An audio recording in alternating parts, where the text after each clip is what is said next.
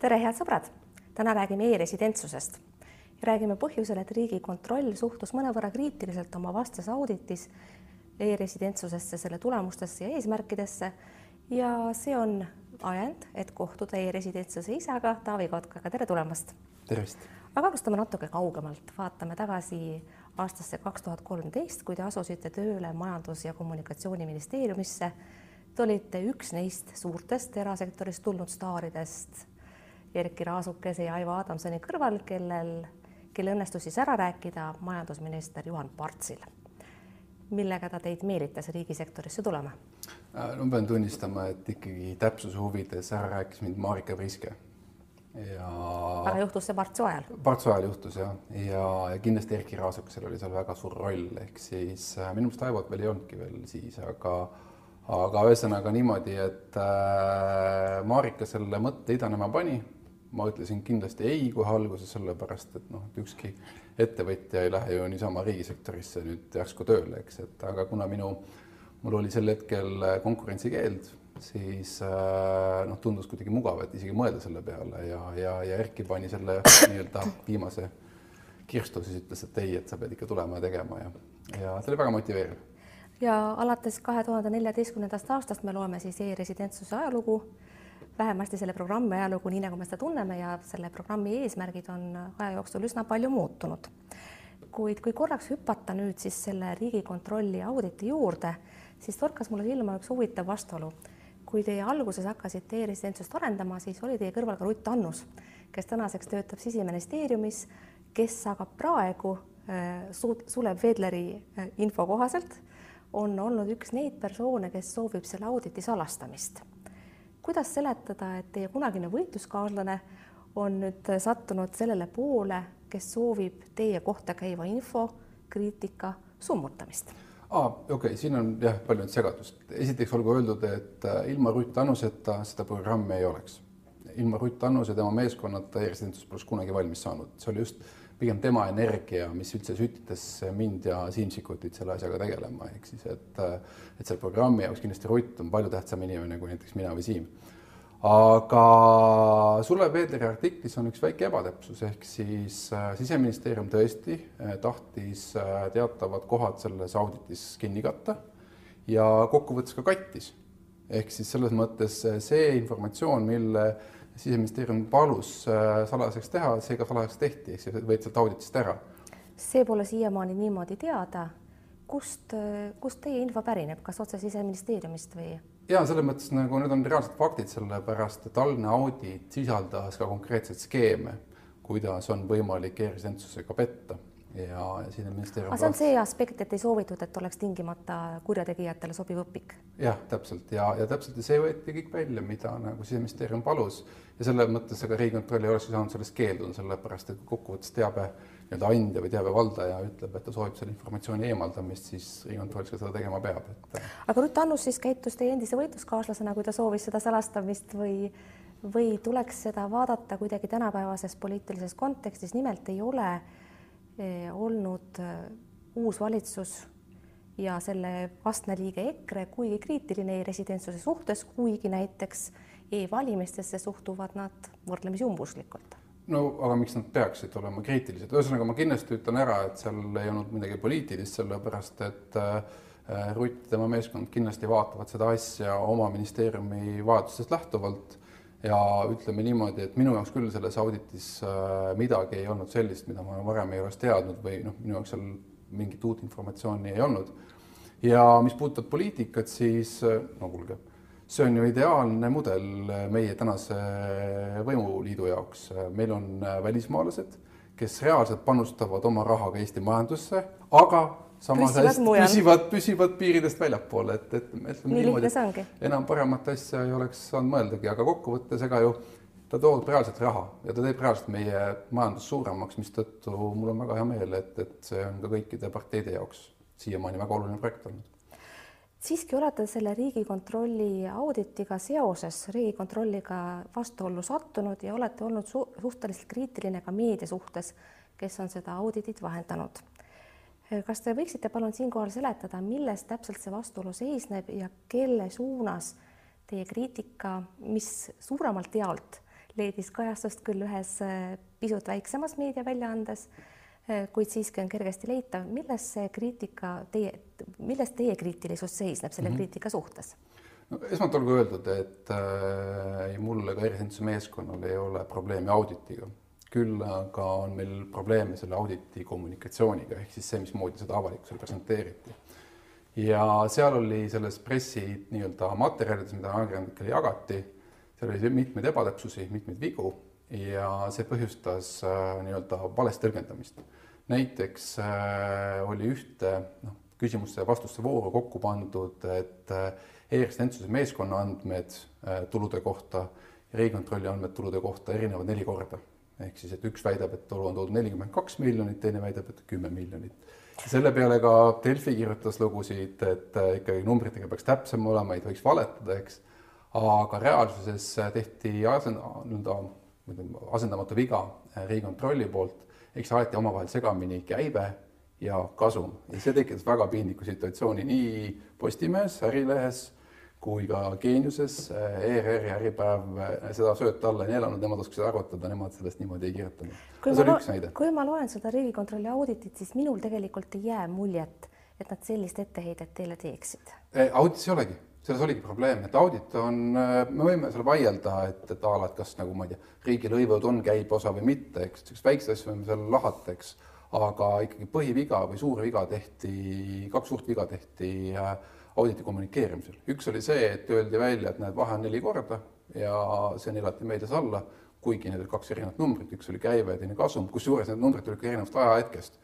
üks number oli eelmise aasta lõpus, teine oli selle aasta maist. ehk siis noh, asendamatu, täiesti nagu asendamatu viga. aga teine probleem, mis oli, mille lõksu läksin ka mina ise kusjuures, oli see, et jäeti mulje, et Riigikontrollil õnnestus pliks-plaks Soome registritest kätte saada see informatsioon, et kes on siin äh, kriminaalkorras karistatud ja kes ei ole ja, ja tehti selle pealt nagu uudis, mis jättis nagu mulje, et politsei oleks täitnud oma hoolsus, hoolsuskohustust. selle õnge läksin isegi mina, ma käisin ERR-i saates, ütlesin, et ops, näed, et ma ei teadnud tõesti, et nii lihtne on võimalik Soome registritest informatsiooni välja võtnud, et äh, panin käe südamele, ütlesin, et kindlasti teeme kohe ära. Pärast siseministeerium helistas mulle, ütles, et, et ah, sind on petetud, et et tegelikult ei saa, soomlased ei anna seda informatsiooni välja et ainuke, mida Riigikontroll tegi, oli see, et ta saatis siis meie, meil on umbes viis tuhat nelisada viiskümmend soomlasest e-residenti, saatis need andmed Soome ja sai tagasi ühe numbri. see number on nelikümmend kaheksa. ehk siis me ei saa tegelikult, ei saaks kontrollida, et a la kas Jussi, kes elab sellel aadressil, et kas tal on kriminaalkaristus, seda informatsiooni Soome kunagi meile ei anna aga kuidagi selle auditi kommunikeerimisel suudeti jätta meediale mulje, nagu me ei teeks piisavalt taustakontrolli, nagu me ei kontrolliks neid e-residente piisavalt. jällegi minul seda auditit lugenuna sellist muljet pole jäänud, minu meelest on Riigikontrolli hoiak pigem küsiv. ta küsib, kas äh, me teame e-residentide tausta, kas me oleme kindlad, et õiguskuulekad kodanikud nende hulka satuvad ja ta viitab ka jällegi minu meelest pigem küsivas vormis sellele, et ähm, puudub järjepidev ülevaade programmi tuludest ja kuludest.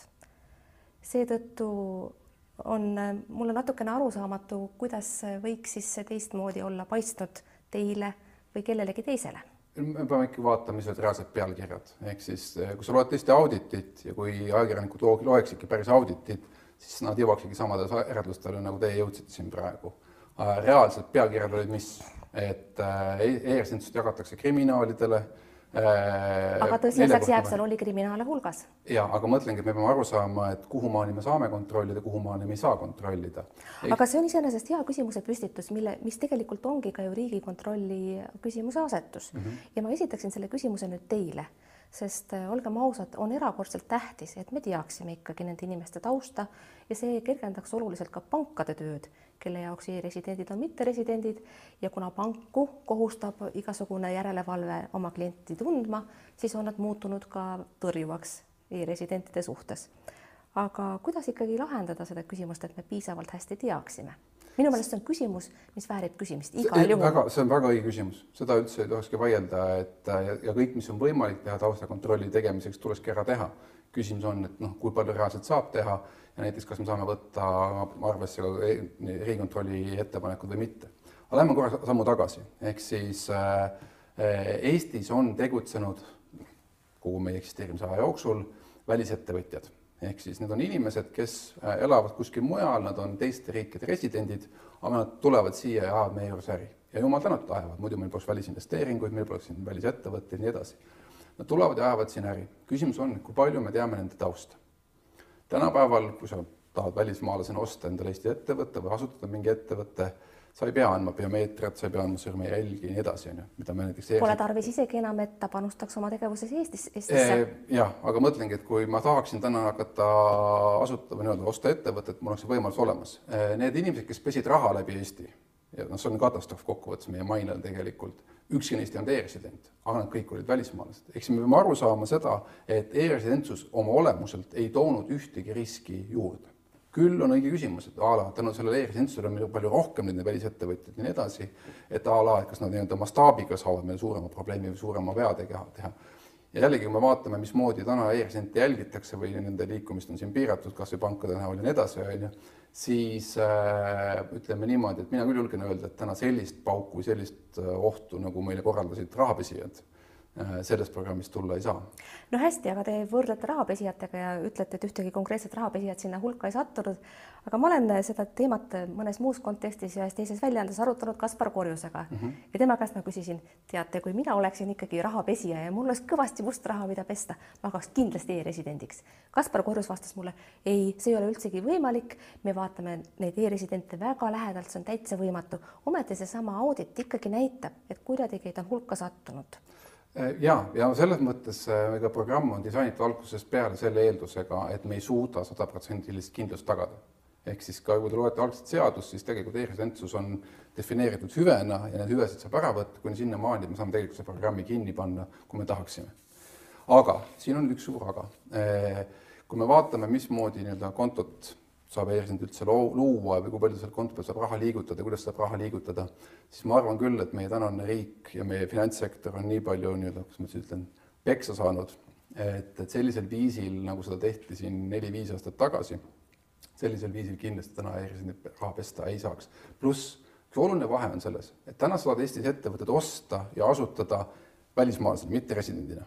sellisel juhul sa ei pea andma eestlastele oma biomeetriat selleks, et e-residendiks saata, saada, sa pead andma eestlastele biomeetria, mis tähendab seda, et kui sa oled mingi kriminaal ja rahvusvaheliselt, noh, nii-öelda rahvusvahelise mastaabiga kriminaal, siis tõenäoliselt on su sõrmejälg ikka kuskil Interpolis olemas, eks, et et selles mõttes see sõel juba eos on e-residentsi koha pealt nagu oluliselt tugevam, samas küsimus on üldse, mis siis sellest noh, maailmast nagu saab, et mismoodi üldse ettevõtted äh, tulevikus tekivad, kuhu nad tekivad, millistesse riikidesse ja nii edasi, on ju, et kas me julgeme väita, et näiteks äh, noh, ma ei tea, brittide, Briti, UK-s asutatud ettevõtete seas pole ühtegi kriminaali või Šveitsis asutatud ettevõtete seas pole ühtegi kriminaali. no hästi, me jõuame siin teatava. selles mõttes et alati see väike viga jääb ja küsimus ongi see, et, et me võib-olla ei suuda kõiki enne algust äh, välja filtreerida, aga hästi oluline on see, et see periood, kui nad on meil e-residendid ja ettevõtjad siin, et selle perioodi jooksul me jälgime neid ei lase neil tegu, tegu, teha nagu sigadusi.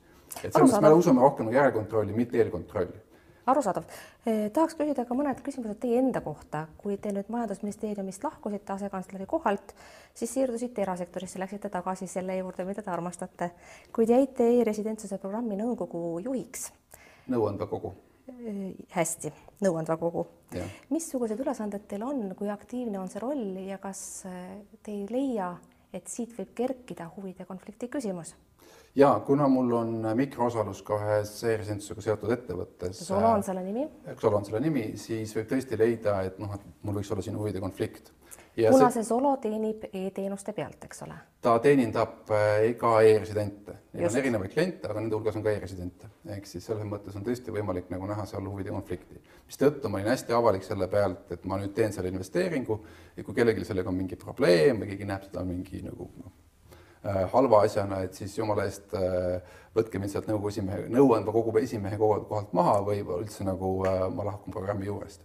aga see on, nagu ma ütlesin, see on nõuandev kogu, see koosneb erinevate ministeeriumite asekantsleritest, Maksuameti juhist, erinevatest ettevõtjatest, kes ka muide hulga, nende hulgas on ka neid, kes on jätkuvalt ka e-residentidega seotud ettevõtete mikroinvestorid ehk siis see on kokkuvõttes ikkagi pigem nagu selline organisatsioon, mis mõmiseb selle suunas, et noh, et a la, et sinna suunas võiks minna või, või, või, või, või tänna suunas võiks minna, see organisatsioon ei kontrolli raha ega määra mingit raha selles mõttes programmile ega ei, ei määra ka selles mõttes, ta on, ta annab nõu. aga ometi tundis teie vastu kaitsepolitsei. Miks?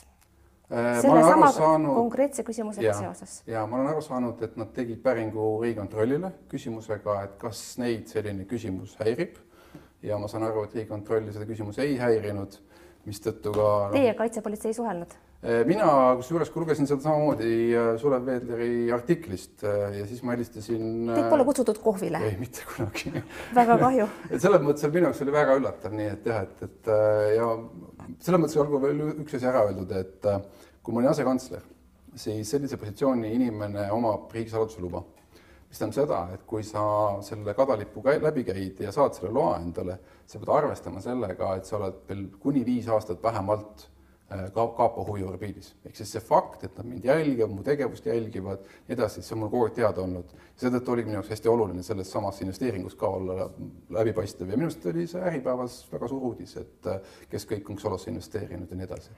vaatame ka teie teist ettevõtet, selle, see on seotud äh Mukesh Ambaniga, kes on ka e-resident, kes on ka e-resident, üks maailma rikkamaid inimesi ja India kõige rikkam inimene vist. Aasia kõige rikkam inimene. juba lausa Aasia kõige ja. rikkam inimene.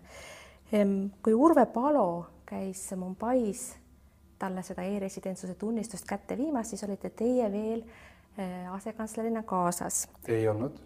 ma sellised märk-. ei, kindlasti ma juba töötasin sellel ajal äh, asekantslerina kaasas Vilja Klubi ehk siis äh, endine suursaadik Indias, mina olin sel ajal juba Tšios tööl.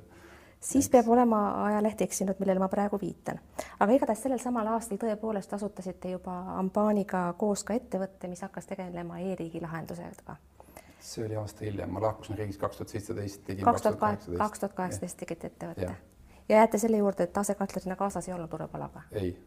hästi, siis peab olema üks leht millele ma tahtsin viidata. aga see on huvitav teema, küsi küsimus. aga, aga küsimus oleks iseenesest, et siin ka eh, see e-riigi teema on, võib ka tekitada teatava huvide konflikti. et eh, kas, missugune see täpne koostöö teil on või mida te seal õieti teete ah,? Okay, okay. et see võib-olla ei ole avalikult mm -hmm. teada, olge hea, selgitage seda. no ühesõnaga, ma arvan, et ilma e-residentsuseta Mukesh Ambani ei oleks nagu Eestis ettevõtet teinud, et see ettevõte täna, ta on küll suhteliselt tilluke, tal on, ma arvan, üks pool miljonit eurot on tema käive. Äh, aga tema roll on tõlkida äh, Mukesh Ambani jaoks äh, infoühiskonna muutusi. Ehk siis a la, kui kõik inimesed hakkavad kasutama näiteks digiallkirja, mis siis ühiskonnas juhtub, mismoodi ühiskond käituma hakkab? Ehk siis mida teised riigid ei ole kogenud, noh, mida ei ole Saksamaa kogenud või UK või USA ja samamoodi, mida ei ole India kogenud ongi see, et, et okei okay,, me saame aru, et me teeme mingi reformi, noh näiteks Indias on ka olemas äh, oma ID-kaart, see on Aadhaar kaart, see on juba neil üle kümme aastat. Neil on isikukood, aga näiteks äh, digiallkiri ei ole nagu, kuidas ma ütlen siis, lendama hakanud ja nad küsivad, et aga, aga kui see hakkab lendama, mis siis ühiskonnas juhtub? mis on ikkagi see konkreetne asi, mida teie Ambani jaoks teete? Äh, me töötame talle välja seda teadmust, mismoodi ühiskond muutub ja juhendame tema meeskondi, kuidas arendada mingeid konkreetseid tooteid kui me selle saate aega kokku leppisime, siis olid teil parasjagu ka ees, selle ees kõned Indiaga, olid need viimati Ambaniga? ei olnud, et ikkagi meeskonnaga suhtleme. olete viidanud, et tegemist on keerulise inimesega ja enamik meist, selle saate osalistest või õigemini täpsemini ka vaatajatest, ei suhtle mitte kunagi nii rikaste inimestega ta on hästi südamlik muide, ta on selles mõttes. ometi olete viidanud ühes varasemas intervjuus, et tegemist on halastamatu inimesega. temal endal on selline kuulsus Indias, sellepärast et äh, oma äri üles ehitades noh, ikkagi sa ju sööd nõrgemaid välja ja, ja, ja vajadusel nii-öelda teed äh, julgeid ja enesekindlaid investeeringuid, mis noh, tihti viib konkurente pankrotti ja nii edasi. siis tal Indias on selline maine. kui tihti te omavahel suhtlete? umbes kord kvartalis ja siis pigem online või silmast silma äh,? see tavaliselt on niimoodi, et äh, kas siis minupoolne email või temapoolne email äh, selleks, et peaks kokku saama ja siis kokkuvõttes tõmmatakse kõne püsti ja tal on väga tugev meeskond, kes seal taga tegutseb, et aga ta on ma olen ikka imestanud, et ta suudab alati kõik emailid ära vastata, et, et sa ei jää talle kuskile postkasti nurka vedelema, et E-residentsuse teemat kokku tõmmates, eesmärgid on aja jooksul muutunud, väga paljud mäletavad siiamaani seda kümmet miljonit e-residenti, keda te meile lubasite siis, kui te projektid käima tõmbasite.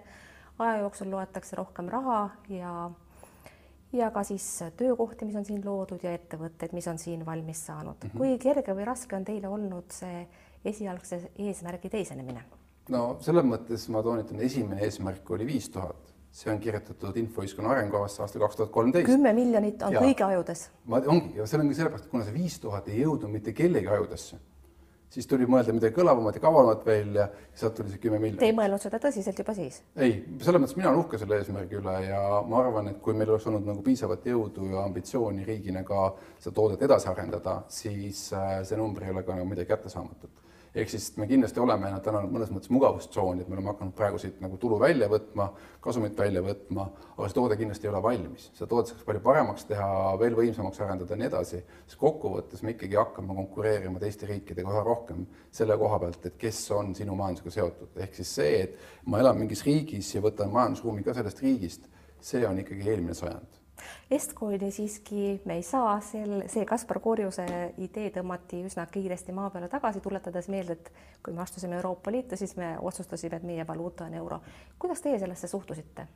see oli selles mõttes kindlasti huvitav käik äh, kommunikatsiooni mõttes et äh, natuke liiga julge, ehk siis äh, mida me muidugi saavutasime, oli see, et me saavutasime programmile rahvusvahelist tähelepanu ja alati on kaks erinevat asja, et e-residentsuse programm ei peagi olema kuulus eestlaste seas Eestis, et tähtis ongi see, et ta Barroso seda kommenteeriks. jah, et, et oleks ikkagi nagu oluline see, et teda märgatakse väljapoolt, sest kokkuvõttes klient on ju väljapool. et seda eesmärki ta kindlasti täitis, aga ma arvan, et Escon oli vara ja samas tänapäevases äh, noh, nii-öelda lõhkilaenamise Euroopa Liidus äh,, raha trükkimise Euroopa Liidus, ma ei imesta, kui see teema tuleb ikkagi tagasi. aga küsimus ongi nagu see, et kas me riigina üldse tegeleme selliste teemadega või mitte. ühesõnaga ka kõige väiksemate nii-öelda filtritega e-residendid on toonud siia ikkagi täiendavat käivet rohkem kui miljardi eest, ehk siis nii-öelda äh, ta on meie majandust mõjutanud, ta on näidanud, et teistmoodi saab teha üldse, et kokkuvõttes tal on koht olemas, et äh, kui saaksite otsast peale alustada, teeksite samamoodi?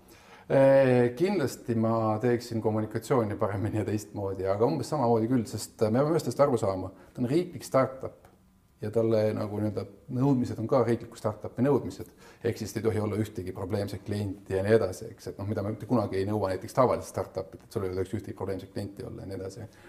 aga millest ma aru ei saa, et kogu see programm on tegelikult entusiastide töö me ei saa teha samasugust optsiooniprogrammi nagu TransferWise, me ei saa teha samasuguseid palku ja nii edasi, on ju, et see on kokkuvõttes ikkagi nagu tublide ametnike ühine pingutus, et see asi üldse sündis.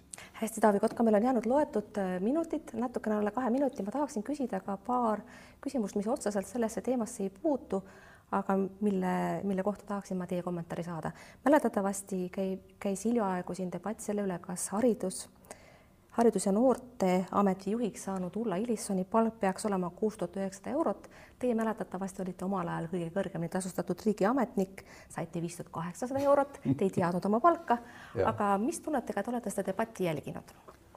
Äh, selles mõttes kokkuvõttes me peame ikkagi aru saama, et äh, mida see inimene või konkreetne siis persoon vastu annab, ehk siis, et ma arvan, et äh, noh, Ulla Illissonile me ei saa praegu veel hinnanguid anda, aga kui me tahame talenti saada erasektorist riiki, siis tuleb talle ikkagi maksta ja kokkuvõttes on see kõik küsimus ikkagi investeeringus. mina võin täna käsi, käe südamele panna, kas e-residentsuse programmi kaudu või KMD Infi kaudu et neid programme on palju, tänu millele ikkagi äh, noh, Eesti riik on reaalselt raha teeninud ja need summad küündivad täna nagu kümnetesse miljonitesse, kui mitte sadadesse. hästi, väga lühidalt paari lausega, miks teil seda kohalikku poliitikat vaja on? Viimsi Leht, Viimsi uudised süünist süüdistavad teid selles, et valimislubadused on siiamaani täitmata ja ajate seal Märt Vooglaiu asja, milleks teil seda tarvis on? no selles mõttes, et äh, viisteist sekundit. jah, et äh, minu jaoks minu kogukond on ikkagi tähtis ja ma arvan, et Viimsi toimib täna palju paremini, kui ta toimis nagu kolm-neli aastat tagasi. rahandus on korras ja nii edasi, aga eh, selleks, et ei saakski ainult kinnisvarahaid tegutseda, selleks on vaja panustada ja ma arvan, et see kogukonna areng on olnud väga hea meil viimaste aastate jooksul. Taavi Kotka, suur tänu, et tulite saatesse, head sõbrad, suur tänu, et vaatasite, vaadake teinekord ikka jälle, mingu teil vahepeal hästi, kuulmiseni, nägemiseni